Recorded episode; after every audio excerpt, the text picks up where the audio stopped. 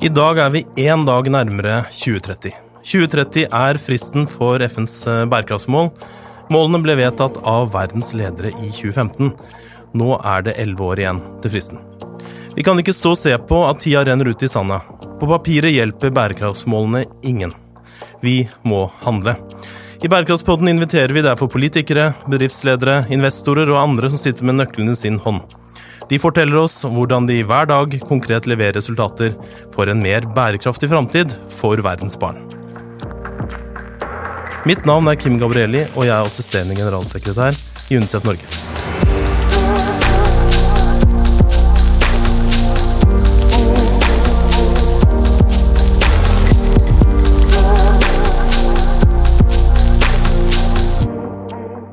Velkommen til eh, Bærekraftspodden. I dag har vi litt av en karamell for dere. Vi skal nemlig gi en innføring i bærekraftsmålene. Eh, og det er jo ingen liten eh, sak. Vi har med oss to, to eksperter på området. Vi har med oss Silja Holms Inndal, som er medstifter i Sustainability Hub. Og du er også ny administrerende direktør i Nordic Impact. Du skal få lov å fortelle litt om begge disse tingene etterpå. Og så har vi med oss deg, Borghild. Borghild Tønnesen Krokan som er daglig leder i Forum for utvikling og miljø. og Det er da et eh, nettverk av over 50 organisasjoner. Eh, så det her tror jeg blir, eh, dette blir spennende. Og så ikke minst så er dere begge to fra Tromsø, hører jeg rykter om.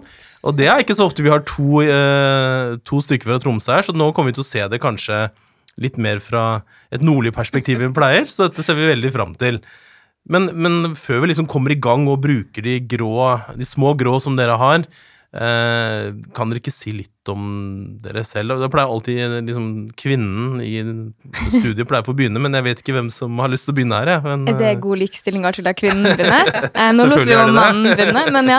Um, yes, uh, mitt navn er Silja, og jeg var med å starte Sustainability Hub Norway sammen med Andreas Friis og Ingrid Warner, fordi vi satte oss ned og tenkte oi, vi må gjøre det lettere for norsk næringsliv å jobbe strategisk med bærekraft. Så hvordan selskapet kan få mer innsikt i hva bærekraftsmålene egentlig er, og hvordan de kan begynne å jobbe med de i egen forretningsmodell. Eh, og så går jeg også inn som ny leder i Nordic Impact og Katapult-systemet, som også søker å flytte kapital for å skape den, det framtidige samfunnet vi ønsker å leve i. Så Hva betyr det å flytte kapital?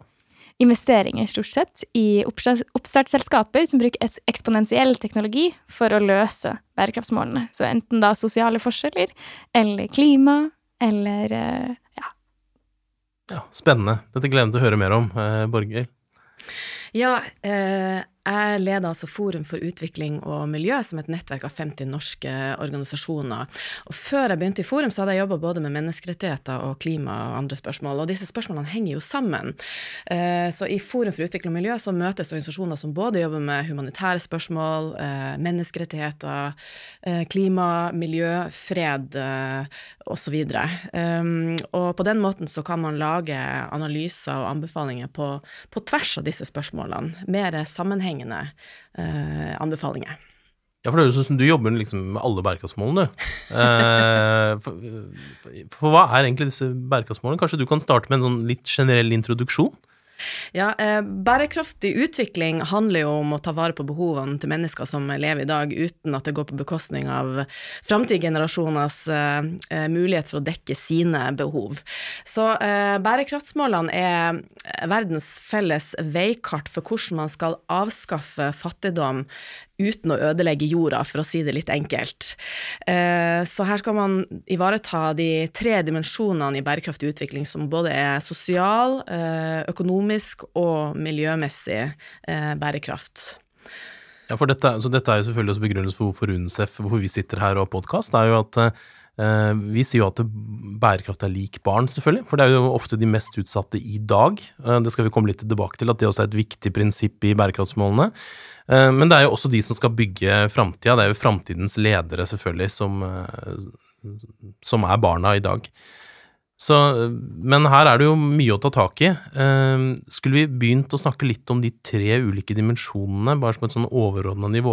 Hvilke er de tre dimensjonene? Ja, hva, betyr det for næringslivet? Du kan jo si at Næringslivet har jo forholdt seg til det som en trippel bunnlinje. De snakker om people, planet og profit.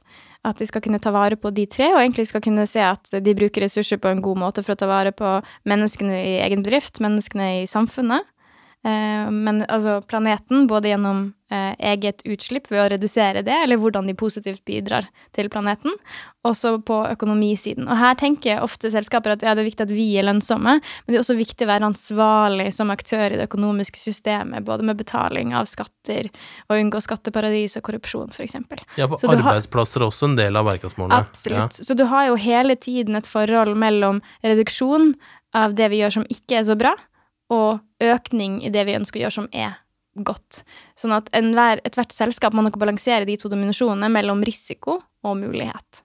Men ofte så opplever vi kanskje at det er, det, det er mer fokus på, på utslippskutt, grønne ting, enn de sosiale dimensjonene hos hos næringslivet. Og så er det kanskje eh, mindre, i hvert fall vært tradisjonelt, da, mindre fokus på den økonomiske dimensjonen hos bistandsorganisasjonene. Så det er jo litt interessant, ikke sant. Eh, man er selvfølgelig opptatt av det man jobber med selv. Eh, men hvordan, eh, hvordan, ser det ut, eh, Borger? Hvordan, hvordan opplever dere det? Klarer vi å balansere disse tre dimensjonene med økonomi, sosialt og klimamessig bærekraft? Ja, vi er nødt til å klare det, for hvis ikke så løser vi et problem og skaper et annet. Og det var litt av utfordringa også med eh, de såkalte tusenårsmålene som eh, alle verdens eh, land ble enige om fra, eh, fra tusenårsskiftet og frem til 2015. Og verden har gått fremover siden, siden den gang. Fattigdommen har blitt halvert, flere jenter går på skole, vi lever lengre og med færre sykdommer. Men denne, denne veksten og denne utviklinga har gått på bekostning av miljøet. Så der har det gått i gæren retning. Så bærekraftsmålene er et svar på, på dette. Så da de ble vedtatt vedtatt i 2015 av eh, verdens eh, ledere, så ble man enige om at man også skulle eh, inkludere miljø. Liv på land, liv under vann, mer bærekraftig produksjon og, og forbruk, og mer bærekraftig økonomisk vekst. Så det, det, var viktig, og det er også viktig at det, disse målene, i motsetning til tusenårsmålene, gjelder for alle land. Eh, så alle land er nødt til å forandre seg. Det, det, er ikke bare rike land som skal hjelpe de fattige landene, eh, men de rike landene skal også eh, bidra til en mer bærekraftig økonomisk vekst. Men du sier at vi vedtok det i 2015. Hvem er det som har muligheten til å vedta det? Er det ja, Hvem er det som vedtar at vi skal ha mål for hele verden? For det har vel egentlig aldri skjedd før, for alle land? Det er jo statslederne i FN sine medlemsland, så 193 land var med å bestemme de 15 eh, bærekraftsmålene vi har nå, fra, som gjelder fra 2015 da, og frem til 2030. Eh, det som er store sånn forskjell på prosessen, er jo at i 2000, når Kofi Annan ledet eh, FN, eh, så samlet han et par eksperter, og så satt de ned, og så bestemte de de åtte målene, som var tusenårsmålene, hvor ett var klima, og syv var sosialt. Um, det som skjedde når man da sa oi, det var jo en god idé å ha en felles retning for verden som vi skal bevege oss i, uh, vi må gjøre en ny versjon av disse målene. Og da bestemte man under Rio pluss 20-konferansen i 2012 vi må lage bærekraftsmål, her må klima være mer integrert, og de må være universale og gjelde for andre, alle land, og ikke bare de fattige landene som skal ha fokus på å komme opp til det nivået hvor de rike landene Her har de rike landene også masse å jobbe med. Eh, så det er jo viktig at alle har noe å strekke seg til her.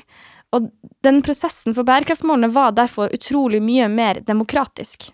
Jeg jobbet jo uh, som trainee ved den norske FN-delegasjonen i New York under disse forhandlingene. Og da hadde vi blant annet 1000 bedriftsledere som også var med i prosessen, sånn at man skulle sørge for at dette var mål som også næringslivet kunne jobbe med, for det er jo der produksjonen av varene og tjenestene våre skjer. Og det er der også mye arbeid må skje hvis vi skal lykkes med økonomisk vekst uten å ødelegge planeten. Men, men, hva gjorde man da, da? Altså, du sier de var med, men altså, kan du gi et eksempel på hvordan norske næringslivsledere ble inkludert i den prosessen? Eh, det var jo et, et par norske ledere som også reiste over. Det var ulike summits eh, hvor næringslivet var og diskuterte hvordan målene og den retningen vi ønsket, eh, var integrert med hvordan vi driver business. Og det, Jeg har vært i workshops med nesten 30 selskaper, og jeg har ikke møtt ett selskap ennå som ikke klarer å relatere sin kjernevirksomhet til ett eller flere av målene. Så det er helt klart en stor link, men det er et arbeid som må gjøres fra næringslivet til å se på seg sjøl. Ok, hva er vårt negative fotavtrykk? Eh, hvor skal vi ha positiv påvirkning? Og hvordan linker det seg til bærekraftsmål? Og hvordan jobber vi strategisk med det. Sånn at det ikke blir en nice to have, men en need to have for å være konkurransedyktig inn i framtiden. Det er helt riktig som, eh, som, Silja sier, at det var en veldig, en usedvanlig demokratisk og inkluderende eh, prosess, eh, hvor, eh, hvor, folk over hele verden fikk muligheten til å gi innspill. Eh, man eh, lagde en spørreundersøkelse hvor nesten ti millioner mennesker fikk sagt sin mening. Etter det så hadde man eh, FN-forhandlinger som pågikk eh, i et halvt år, som også var inkluderende der sivilsamfunn, næringsliv og, og, andre som eh, skal bidra til å nå målene, fikk være med.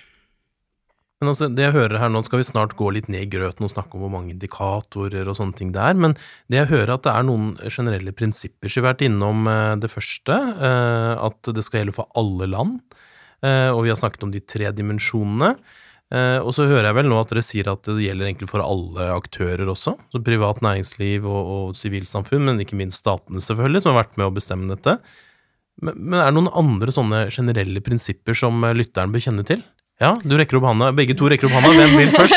ivrige eh. Silja, kom igjen. Um, jo, en viktig forskjell her er jo at en stat har ansvar for å følge opp alle 17 målene, men på organisasjonsnivå så må vi få lov til å prioritere.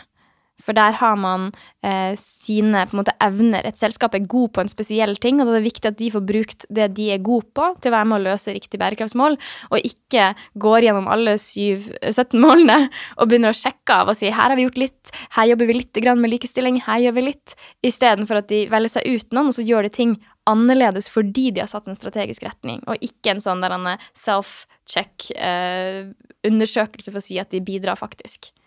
Mm. Impact, altså. De må, de må, faktisk se noen endringer på bakken. Vi skal snart komme tilbake til det. Eh, Borger? Jo, eh, et av hovedprinsippene i bærekraftsmålene er at ingen skal utelates. Leave no one behind. Eh, og det innebærer at de mest sårbare eh, menneskene skal prioriteres. Eh, mange av de fattigste, ekskluderte grupper, marginaliserte, diskriminerte, f.eks. mennesker med nedsatt funksjonsevne, eh, det kan være barn, flyktninger, etniske, religiøse religiøse minoriteter, jenter, urfolk osv. Så, videre. så man skal også nå disse menneskene med bærekraftsmålene, og det er ambisiøst. Det er klart, det ser vi også veldig tydelig i UNICEF, da, at hvis vi gjør en slags mapping hvor vi ser på hvilke altså Alle bærekraftsmålene, er, alle 17, er selvfølgelig relevante for barna. Men hvis man går inn og ser på indikatorene, for det er jo der, hvor mange indikatorer er det egentlig?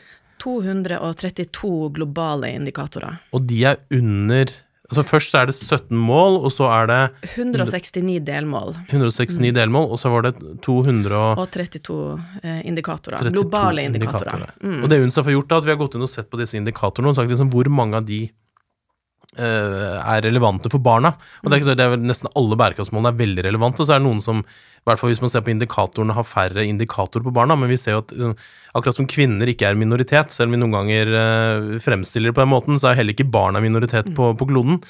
Uh, men for oss så handler dette selvfølgelig om alt fra fattigdomsreduksjon, som er helt direkte konsekvens for barna, men også at globale verdikjedene til selskapene berører rundt 1 milliard, 1 milliard barn på hele kloden, enten fordi de er barnearbeidere, eller fordi at deres foreldre er arbeidende foreldre.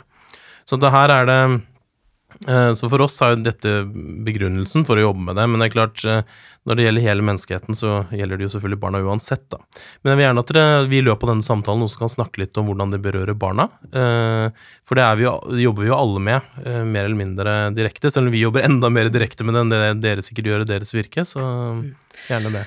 Det er jo absolutt eh, relevant for arbeid med indikatorer også, fordi at eh, veldig mange barn er jo f.eks. ikke registrert ved fødselen, det gjelder millioner av barn.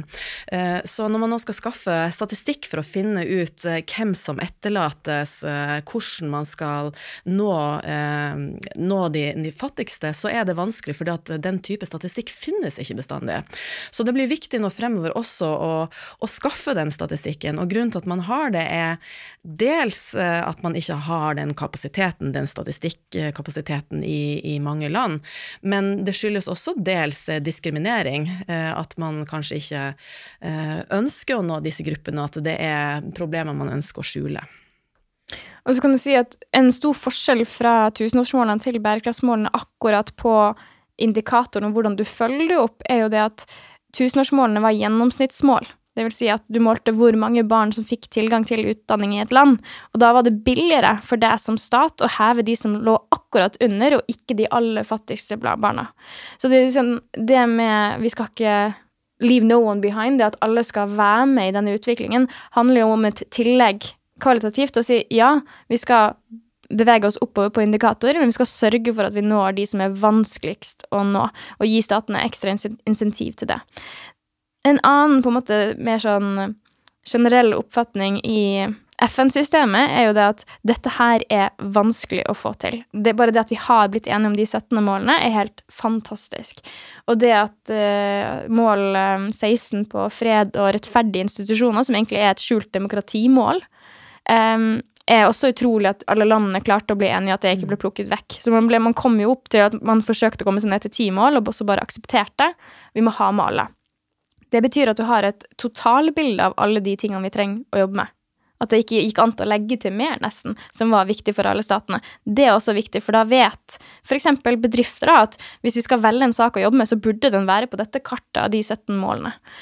Eh, en annen ting som er en, en metode å jobbe på, er jo hele tiden å lage forhåpninger til senere steg i prosessen, så det blir lettere å vedta det du holder på med for øyeblikket. Så du vedtar de 17 målene, så sier du det er delmålene som er viktige. Så går alle ut og holder sidearrangementer og egne fokuserte ekspertpanel, hvor de lager delmålene under. Og det er først når du begynner å lese gjennom delmålene, at du faktisk forstår hva de ulike målene faktisk handler om. Og i delmålsarbeidet så sa man men det er indikatorene som kommer til å bli viktige. Så man dytter hele tiden ballen foran seg for at det skal bli lettere. Og så var løftet eh, og den store forhåpningen til indikatorene var at de skulle være bundet på tvers, slik at du ikke kunne jobbe med uh, den sosiale biten uten å jobbe med klima, eller vice versa. Ikke sant? Uh, og det har man ikke helt lykkes med. Så det er utrolig viktig at når man ser på disse, at man ikke sier ja, men eh, det som er mest vesentlig for oss, er å jobbe med sosiale forskjeller, så da skal vi ikke jobbe med klima. Men da skal man jobbe på sosiale forskjeller på en måte som gjør at man ikke har en negativ konsekvens på klima. Nå skal vi snart gå inn i del nummer to, og vi ser på noen av motsetningene som vi kan, eh, som vi kan se, eh, som er i bærekraftsmålene og i andre internasjonale avtaler, for så vidt. Men jeg har bare lyst til å knytte én kommentar til det, det, dere begge sier om dette med uh, at man hadde et gjennomsnittsmål ikke sant, i de tidligere tusenårsmålene, som for så vidt også bare gjaldt for utviklingslandene i tillegg. da. Uh, men det som vi ser, er jo at UNCEF i de senere årene har uh, begynt å gjøre en sammenligning internt i land mellom de 20 rikeste og de 20% fattigste. Da ser vi at utviklingslandene altså Hvis vi sammenligner de 20% rikeste og fattigste, så ser vi at barn under fem år, som er den fattigste gruppa, har dobbelt så stor sannsynlighet for å dø før de fyller fem år, enn de som er i den rikeste. Så det er jo grunnleggende urettferdig. Eh, men tidligere så ble ikke det fanga opp fordi at man selvfølgelig når man setter seg som mål, så, så, lager man jo da en måte å måle dette på. Eh, og det er jo en av de store bragdene, at vi får fram mer åpenhet rundt interne utfordringer i et land. Eh, og man blir presset på en måte til det, og at eh, FN-organisasjonene som UNICEF faktisk kan gjøre det. For tidligere ville det være et slags ulikhetsarbeid eh, på dette. ville være veldig vanskelig for en FN-organisasjon å gjøre, nettopp fordi at man kunne bli beskyldt for å Ja, ikke sant, at man hadde en agenda, da. Så det er egentlig fantastisk at ulikhet har blitt et eget mål, men også er et gjennomgående mål i i Eller ulikhetsbekjempelse da, er et gjennomgående mål i bærekraftsmålene.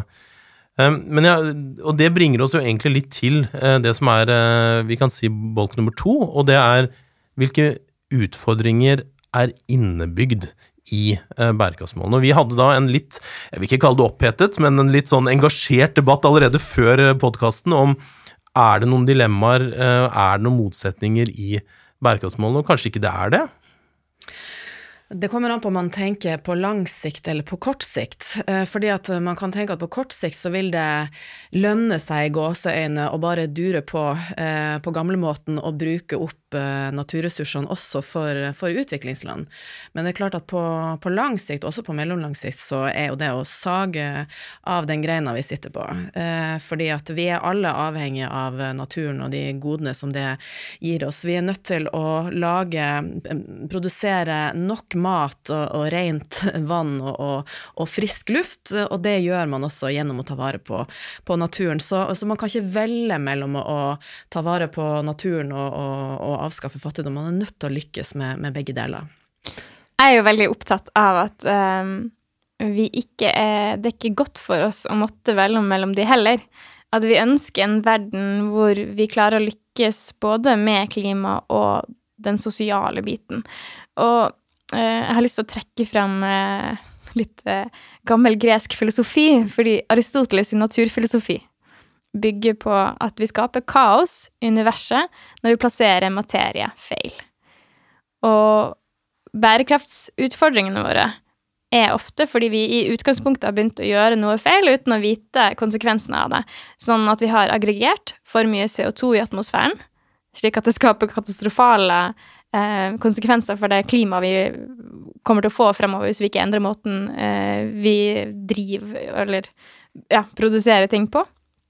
Eh, nummer to vi har eh, ja, i 2050 mer plast i havet enn fisk. Det er feil plassering av materie som skaper kaos. Eh, vi har også en lang historie med å plassere bly i barneleker, sånn at det ødelegger hjernen til barna våre. Ikke sant? Så det er en sånn Hvis vi ser helt tilbake, så er det ikke nødvendigvis et energiproblem. Det er faktisk et materialproblem med å plassere ting feil, og på en suboptimal måte.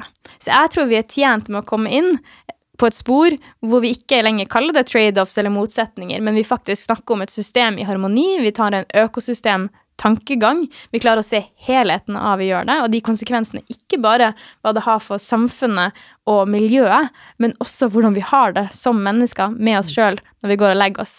Noe som man ofte stiller spørsmål til bedriftsledere, er jo hva er det som holder deg oppe om natta? Og der tenker jeg at hvis bedriftsledere klarer å komme til det stedet hvor de sier sånn, vet du hva, jeg sover godt fordi jeg vet at jeg er på den siden av, av måte, samfunnet som forsøker å gjøre noe med dette her. Jeg har en plan for hvordan jeg bidrar. Så må jeg jo si at i en sånn historisk perspektiv så er det jo egentlig veldig ra, rart at man har valgt å Skal vi se, vi, vi skulle hatt noe energi her. Ja, vi må bore oss langt ned i jorda, eller ned i ha, havbunnen for å finne, liksom, Mens sola skinner over hodene våre, og vindkraften gjør det, så har man så brukt Det er en fantastisk komplisert affære å hente ut olje fra den norske havbunnen, f.eks. Så, så i det bildet så er det liksom Vi har gjort feil valg, pluss at vi har tatt noen valg som er veldig krevende, eh, rent teknologisk, da. Eh, men det er jo selvfølgelig vind og, og, og, eh, og andre energikilder også. Eh, Utrolig viktig, også for meg, at vi ikke på en måte bruker pekefingre her. For det var ikke feil valg når vi først gjorde de. Det har bare blitt for vanskelig å snu når vi begynner å bli kjent med konsekvensene. Uh, og det må liksom være åpenhet rundt, sånn at vi ikke lager en måte, eh, pekefinger mot folk som gjør feil og må endre seg, men heller skape den motivasjonen sammen til at vi skal gjøre ting annerledes. Og det handler jo også om at vi er på vei fra et paradigme hvor vi trodde at ressurser uh, var ja, uendelige, og at vi kunne ta opp så mye vi ville, og at det egentlig ikke hadde noen katastrofale konsekvenser, hvor vi nå er fullt klar over at ressurser er knappe. Og vi må sette dem i system og bruke dem om igjen, og sørge for at de ikke har en negativ konsekvens når vi er ferdig med dem. Så nå har vi egentlig vært innom hvert fall to av de tingene, altså to av motsetningene som man prøver å bygge eh, eh bro over, hvis jeg kan si det. Altså på den ene siden ulikhet kontra altså gjennomsnitt eh, enkeltpersoner. Man prøver å finne, liksom, eh, i motsetning til tusenårsmålet, hvor vi virkelig se på hva kan vi gjøre for å nå alle? Og vi sier jo UNICEF at vi skal nå hvert barn, med at de skal få mulighet til å overleve, vokse opp eh, og få sine rettigheter innfridd i en bærekraftig framtid, selvfølgelig. Eh, det er det ene. Det andre er selvfølgelig utfordringen mellom energi, eh, behovet for energi og beskyttelsen av miljøet og klima. Men da har vi andre tilsvarende eh, dilemmaer som eh, kan si at man kanskje har, kanskje har lyktes med til og med da, i, eh, i bærekraftsmålene. Før vi forlater det energisporet, så eh, vil jeg bare understreke at vi, vi, la nylig frem eh, sammen med, eh, med, andre en rapport fra BI og Stockholm Resilience Center som viser at eh, vi kan faktisk nå bærekraftsmålene uten å ødelegge jorda, men at det vil, det vil medføre at både myndigheter og industri må endre seg og være smartere og gjøre det mye, mye raskere enn det man har gjort så langt. Så man må oppskalere mye kjappere. Rask fornybar vekst som gjør at utslippene halveres hvert tiår går, samtidig som man må eh, investere i nye utviklingsmodeller, utdanning til alle, helse til alle osv. Redusere uh, ulikhet. Og disse forskerne mener altså at det her vil gjøre at nesten alle bærekraftsmålene vil kunne nås eh, innenfor planetens tålegrense og gi en grønn vekst eh, i GDP på 129% per person fra 2015 til 2050, eh, kombinert med en 80% nedgang av klimagassutslippene. Det, her må du forklare litt, Så, Borger, for det her var vanskelig å forstå. Mm at hvis man, hvis man, eh, får til en raskere vekst i fornybar energi, så kan man få ned eh, utslipp og samtidig lar skogen stå og olja ligge, så vil man eh, kunne få ned utslippene eh, til 80% Hvis man samtidig da investerer i, eh, i Uh, utdanning og helse til alle, og også likestilling, så vil man kunne nå bærekraftsmålene innenfor planetens stålegrense. Og samtidig da få på en måte en positiv økonomisk inkluderende mm. vekst, mm. da, hvor man skaper arbeidsplasser. Inkluderende grønn ja. vekst, hvor man skaper grønne mm. arbeidsplasser. Men det vil kreve endringer som samfunnet aldri har sett maken til. Og politisk vilje og sam bredt samarbeid. Du kan si at det er prosessen, altså det at det er trege prosesser, er egentlig det største hinderet vårt. At vi bare må ta oss sjøl at vi må gjøre dette her utrolig mye raskere og smartere enn det vi har mm. tenkt før. Og så ligger hovedpremisset der ligger jo i det man på engelsk kaller decoupling. Avkobling. Det at du kan ha økonomisk vekst uten å måtte bruke så utrolig mye materialer. Da kommer vi inn i det som heter delingsøkonomi, eh, tjenesteøkonomien. Du skal ikke egentlig eie noe, men du skal ha tilgang til tjenesten. Eh, veldig spennende i måte sånn som man har tenkt på bil før, da, er jo at du kjøper en bil, du må ha eierskap til en bil, men du får veldig mange egenskaper ved den bilen. Både størrelsen er mye større enn det du trenger, eh, maksfarten er mye større enn du trenger. Du betaler for utrolig mye som du egentlig ikke trenger. Det du egentlig vil betale for, er å flyttes fra A til B. Så vi går over i en økonomi hvor du egentlig kun begynner å betale for bruken av det du trenger. Mm. Og som lytteren hører, så er vi allerede godt over i, i, del nummer to om hvordan skal vi få dette til. Hvor, hvor, eh, altså hvordan skal vi få gjennomført bærekraftsmålene? Det er jo, liksom, bærekraft må være handlekraft, skal vi få det til. Det er jo de grunnleggende målet med denne podkasten, at vi faktisk skal komme noen konkrete ting òg. For det er jo lett for å bli et overordna snakk om bærekraftsmålene, og det var jo som Silja sa i stad, næringslivet må ta steget videre enn at de tilpasse rapporteringa til bærekraftsmålene. De må gjøre endringer på bakken. Og jeg har da utfordra dere på å komme noen eksempler i deres arbeid på hvordan uh, hvordan uh, gjør man dette konkret? Hvordan får man omsatt da delmålene, for det er jo ofte det det er snakk om. De er jo mer konkrete selvfølgelig enn utdanning til alle, som er ett mål, eller bekjempe sult, som er et annet. det er eller um, stoppe klimaendringen. Det er veldig store mål, men så er det delmålene under. og hvordan, Har du noen gode eksempler på hvordan dette gjøres? Altså, det er helt klart en behov for en systematisk tilnærming over tid for å kunne gjøre det. Um, jeg vet ikke om Jeg kan slenge et, et veldig konkret eksempel, uh, og det handler om at uh, ta mål altså på god helse og mål på barnedødelighet, f.eks., siden vi sitter hos UNICEF her og prater om dette her, eh, så kan du si at eh, hvordan løser man det? Eh, på Stanford så har de et kurs som heter Extreme Affordability. Det handler om å gjøre en tjeneste som vi har i Vesten i dag, utrolig billig, sånn at uh, man i utviklingsland får tilgang til tjenesten.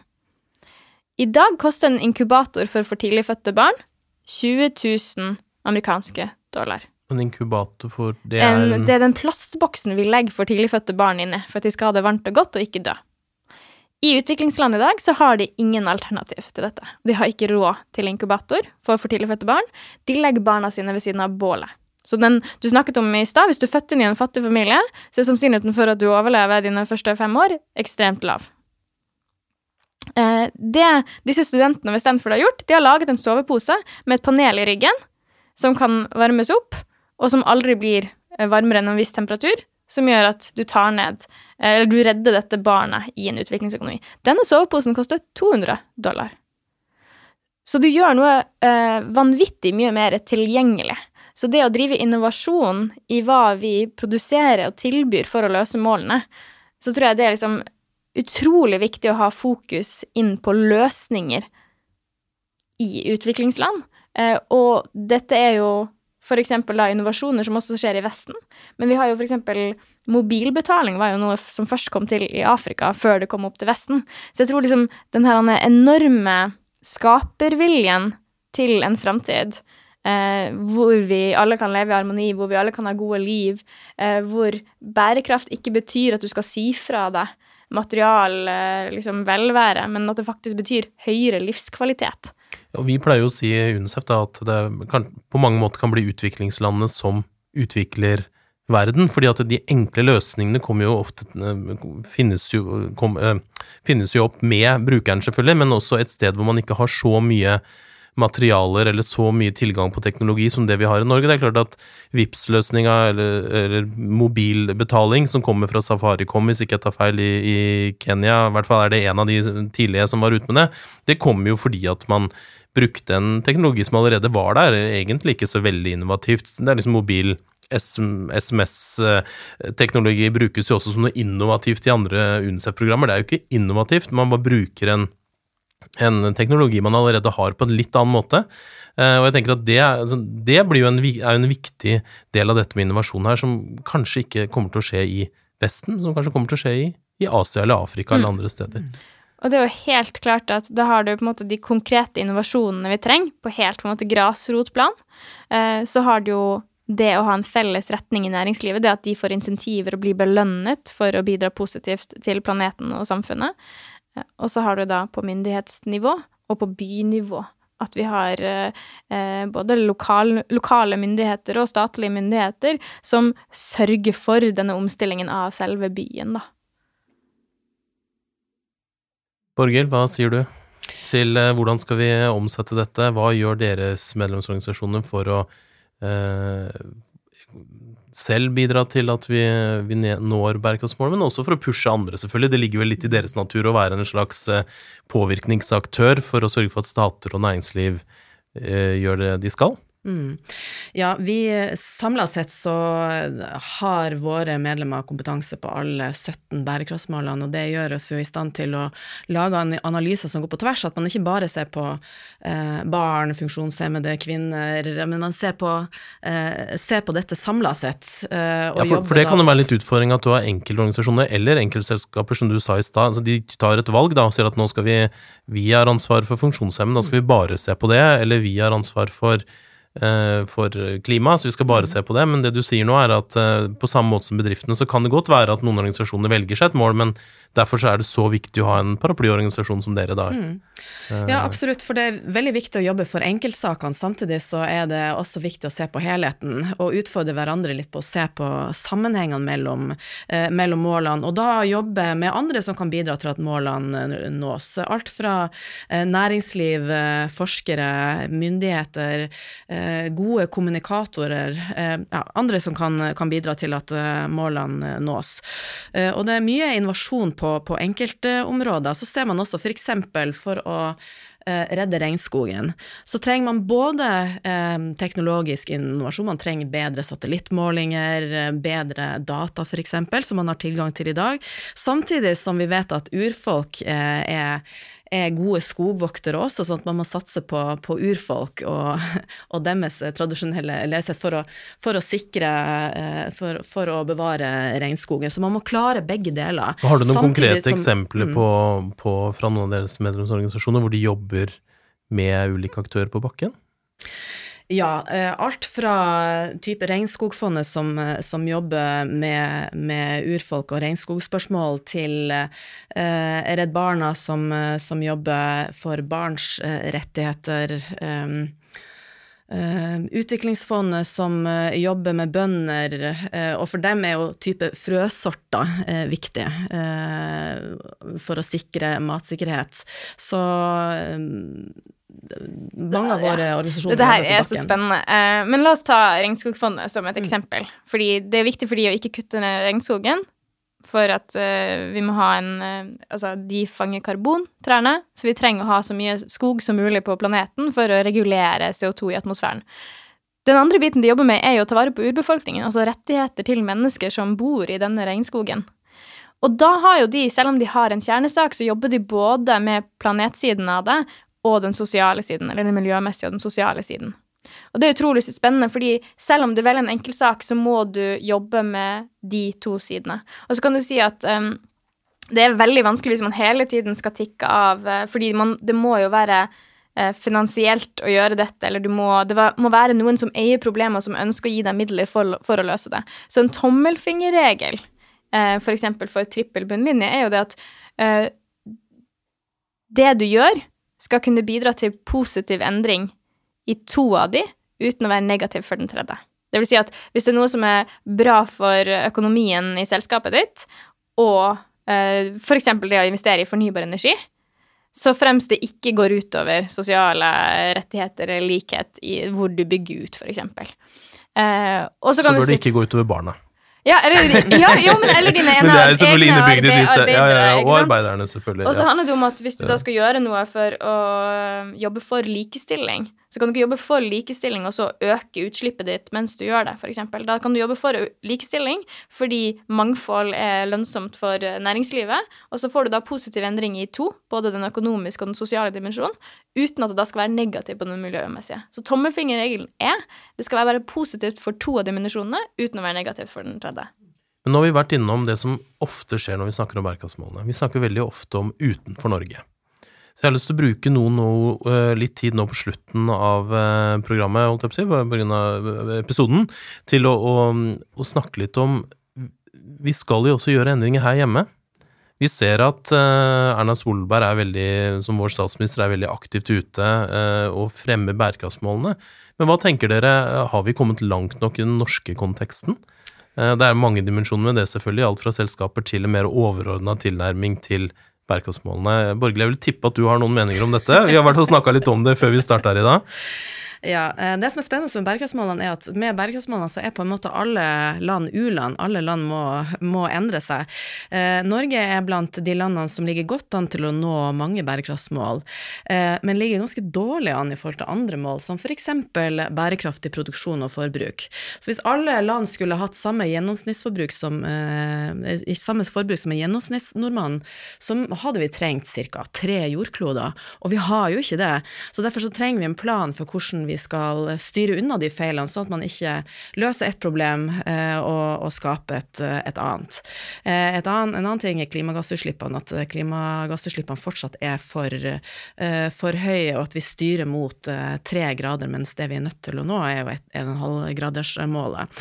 Så hvis man skal klare dette her, så må man ha en mer samstemt politikk, hvor ikke det ene eh, tiltaket undergraver eh, det andre. Eh, og man trenger mer politisk vilje og, og mer finansiering for, for, bærekraftig utvikling. Og med et eh, Vi må absolutt ha næringslivet med på laget, et aktsomt og ansvarlig næringsliv for at vi skal kunne nå eh, bærekraftsmålene og jobbe bredt, for ingen av oss klarer dette her alene. Kan, kan, du utdype litt på dette med forbruk og produksjon? For du sier at vi ligger ganske dårlig an der. Hva baserer dere det, det på? Hva, liksom, hva, hva, er det andre land gjør bedre på det området?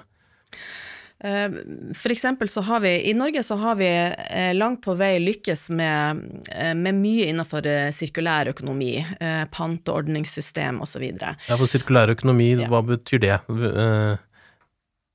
Utdyp det også. Vi, må, vi, er, sant, vi, er, på introduksjonskurs her nå, så sirkulær betyr at man gjenbruker, at man bruker materiell på nytt etter at det måte har eh, avgått med døden, for å si det sånn, i en ja. tradisjonell forståelse, mm. men at man kan bruke mm. det til andre ting da, ikke sant? Mm. I den samme, uh, samme, økonomien på et vis. Ja. Du, du, kan linke det inn ja. mot uh, budsjettet av ressurser som planeten har. Og vi i Norge bruker mellom fire og fem planeter i løpet av ett år.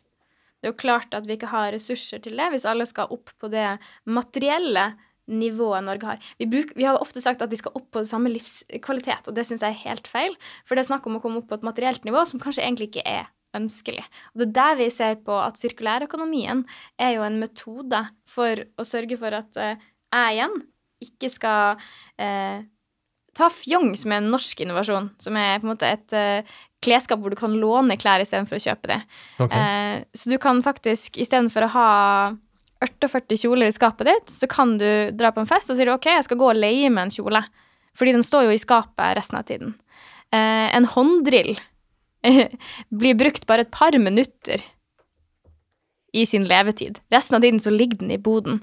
Hvorfor skal den ligge i boden? Sirkulærøkonomien handler egentlig bare om å slutte å ha dødtid på material, men sørge for at det er i systemet og blir nyttiggjort slik at fot, det materielle fotavtrykket vårt går ned, slik at vi klarer å holde oss innenfor det forbruket at vi bare forbruker de fornybare ressursene til, plan til én planet i løpet av ett år. Da. Så rett og slett drillen kan sirkulere i nabolaget, for å si det sånn, for, for litt sånn uh, enkelt sagt. Helt, men helt, det er selvfølgelig eh, mye mer komplekst enn det, men det var, er jo en del, mm. del, av det. Og da er det jo norske mm. aktører som har kommet med uh, apper og hjemmesider og sånn. Leieting.no, nabobil, altså Det florerer disse delingstjenestene noen studenter av meg som studenter på Hanseskolen der jeg gikk, lag, skrev en masteroppgave om eh, nordmenns eh, vilje til å dele bil. Og så fikk de resultatet at nordmenn var mindre villige til å dele bil enn andre. Fordi vi er så utrolig vant til å ha eierskap, og eierskap er komfortabelt. Så jeg tror at i tillegg til politiske prosesser og at næringslivet snur seg, så er det viktig for individet og for oss som mennesker til å skjønne verdien av en bærekraftig livsstil. Jeg er utrolig opptatt av at eh, det jeg gjør Altså jobben min skal være å bidra til en bedre framtid, men det er også viktig for meg at min livsstil skal bidra til en bærekraftig framtid, og at det skal være attraktivt for andre å legge seg til de vanene man gjør. At jeg ikke skal være en sånn streng vegetarianer som aldri skal spise kjøtt, men at jeg heller sier jeg er fleksitarianer, jeg spiser eh, plantebasert mesteparten av tiden. Hvis jeg kommer på middag til noen, og de serverer kjøtt, så spiser jeg kjøtt for å være høflig. Så slipper man å bli den vanskelige. Eller at man tror man skal ha med seg 48 eh, liksom, eh, kopper i sekken for å ikke ta med seg pappkopp. Det er kanskje ikke pappkoppen som er verst, men kanskje plastikk, engangsplastikk vi skal styre unna. Og så kan du si plastikk er også et godt materiale og kan gi mening for holdbarheten på en rekke varer. Eh, F.eks. Eh, frukt og grønt som skal shippes. Og så handler det om å finne en grønn metode også å shippe det på. Så det er, det er liksom den her eh, forståelsen av at du faktisk kan øke livskvaliteten din gjennom en bærekraftig livsstil fordi du ikke har så mye rot rundt deg du har bare ting Det er liksom minimalismetankegangen, hvor du har alle de tingene som gjør deg lykkelig, og du rydder bort veldig mye av den støyen. Mm. Men nå er du inne på dette med enkeltindividets engasjement, deltakelse, som selvfølgelig også er en del av bærekraftsmålet, liksom ligger det at det her kan vi alle bidra til. Eh, men så er det selvfølgelig sånn at du antakeligvis er litt over gjennomsnittet engasjert i dette. Eh, så hvordan gjør vi det da når eh, hvis vi skal få hele befolkningen med? Det er bra med individuelt initiativ, men hvordan er det med reguleringer. Uh, Borger, hva tenker du om det? Uh, skal vi ha en plan for hele Norge? Skal vi, hva er som må til da, for å nå bærekraftsmålene? Altså, man trenger både insentiv og regulering. Altså, man trenger både gulrot og, og, pisk. Det kan ikke være en ren frivillig oppgave å, å, å redde verden. Så jeg tror man trenger en, en, en god plan for hvordan man gjør det, og det er også regjeringas ansvar. Men det er klart at individet spiller, spiller en rolle hva, hva vi gjør Eh, hver og en av oss, at vi er nødt til å innrette oss eh, smartere. Eh, Silja nevnte plast her, veldig godt eksempel. Sånn, ta et plastsugerør, f.eks., som tar ti sekunder å produsere, kanskje. ett minutt å bruke og 1000 år å bryte ned. Så vi kan ikke holde på sånn. Altså, vi, er, vi er bedre enn det, og det må vi være både som individ og vi må være det som samfunn. Og så handler det om å gjøre det enkelt. Og det handler om å gjøre det attraktivt. Og min måte, store fanesak inn i næringslivet er at man kanskje ikke skal uh, sørge for å hele tiden tenke at man skal få bedre betalt og lage et nisjeprodukt på bærekraft, men man skal lage et produkt som uh, er attraktivt for hvermannsen, og som er billigere kanskje enn alternativet, fordi det er produsert med mindre avfall, det er produsert med gjenbruk av materialer. Uh, det er en bedre måte å gjøre det på. Vi ser jo ved sirkulærøkonomien at du da lager billigere varer, faktisk. Og da vil jo en ethvert individ som kommer i butikken og får valget mellom to varer, så tar de ofte den billigste, uten å tenke seg om. Og hvis den billigste da er den bærekraftige varen, så er jo det måten å nudge folk inn dit. Men for at det skal skje, så må også myndighetsnivået være med. Og det ser vi i den rapporten som kom fra Utvalget for grønn konkurransekraft. Mm. Det vi vil ha mindre av, må vi skatte mer. Det vi vil ha mer av, må vi skatte mindre. Og så kan vi se til nabolandet Sverige, hvor de har f.eks. har satt moms på reparasjon, sånn at flere går til skredder eller flere går til skomaker og får reparert istedenfor å måtte kjøpe nytt. Vi gjør det, vi insentiviserer borgerne i å velge det som er best for dem selv, planeten og samfunnet. Så det må lønne seg å velge eh, gode, grønne løsninger. Så nå har vi også vært gjennom eh, både det litt generelle om eh, bærekraftsmålene, hva de er, prinsippene i dem, og nå på slutten er selvfølgelig er det mulig å gjennomføre dem, er, hva skal til? Og vi har fått hørt mange gode eksempler på hva som er mulig, og vi har fått høre en oppfordring til både enkeltpersoner og regjeringen og Stortinget for den sakens skyld, eh, om at her må vi alle bidra. Men jeg har lyst til å, helt til slutt da, har jeg lyst til å spørre dere, får vi dette til innen 2030? Det har jo allerede gått tre år, og man har altså fortsatt ikke et klart regelverk eh, på plass eh, når det gjelder klima. Nå kan det hende det kommer nå, da, i Katowice, som nå skjer eh, samtidig som vi tar opp denne episoden i Polen om altså toppmøtet om klimaavtalen, det viktigste etter Paris-møtet. Men hva tenker dere, er det mulig å få dette til innen 2030? Silja, vil du begynne? Ja, jeg ødelegger sikkert stemninga her hvis jeg starter. Eh, fordi mitt prinsipp er at jeg orker ikke å bruke tid på om det er mulig eller ikke. Vi må bare bruke tiden på å diskutere hvordan og komme oss i gang med å gjøre det. Jeg har vært i så mange eh, paneler hvor jeg har blitt satt inn som på en måte ja, ung person sammen med eksperter i f.eks. på energi i FN, hvor de da bruker halvparten av møtet på å diskutere om det er mulig. Skal vi legge målet vårt hvor det er, er det mulig å nå dette, istedenfor å si hva skal til, hvordan kommer vi i gang? Ikke sant? Vri samtalen til Vi må gjøre så mye vi kan fram til 2030. Mm. Jeg er enig med deg, eh, Silja. Eh, vi er nødt til å gjøre det vi kan. Og forskere, eh, flere forskere sier at det lar seg gjøre hvis vi gjør massive endringer i måten vi bl.a. bruker energi på, og produserer energi på. Det vil kreve endringer verden aldri har sett maken til. Men det er, det er vi som har skapt problemene, og det er vi som er nødt til å løse dem.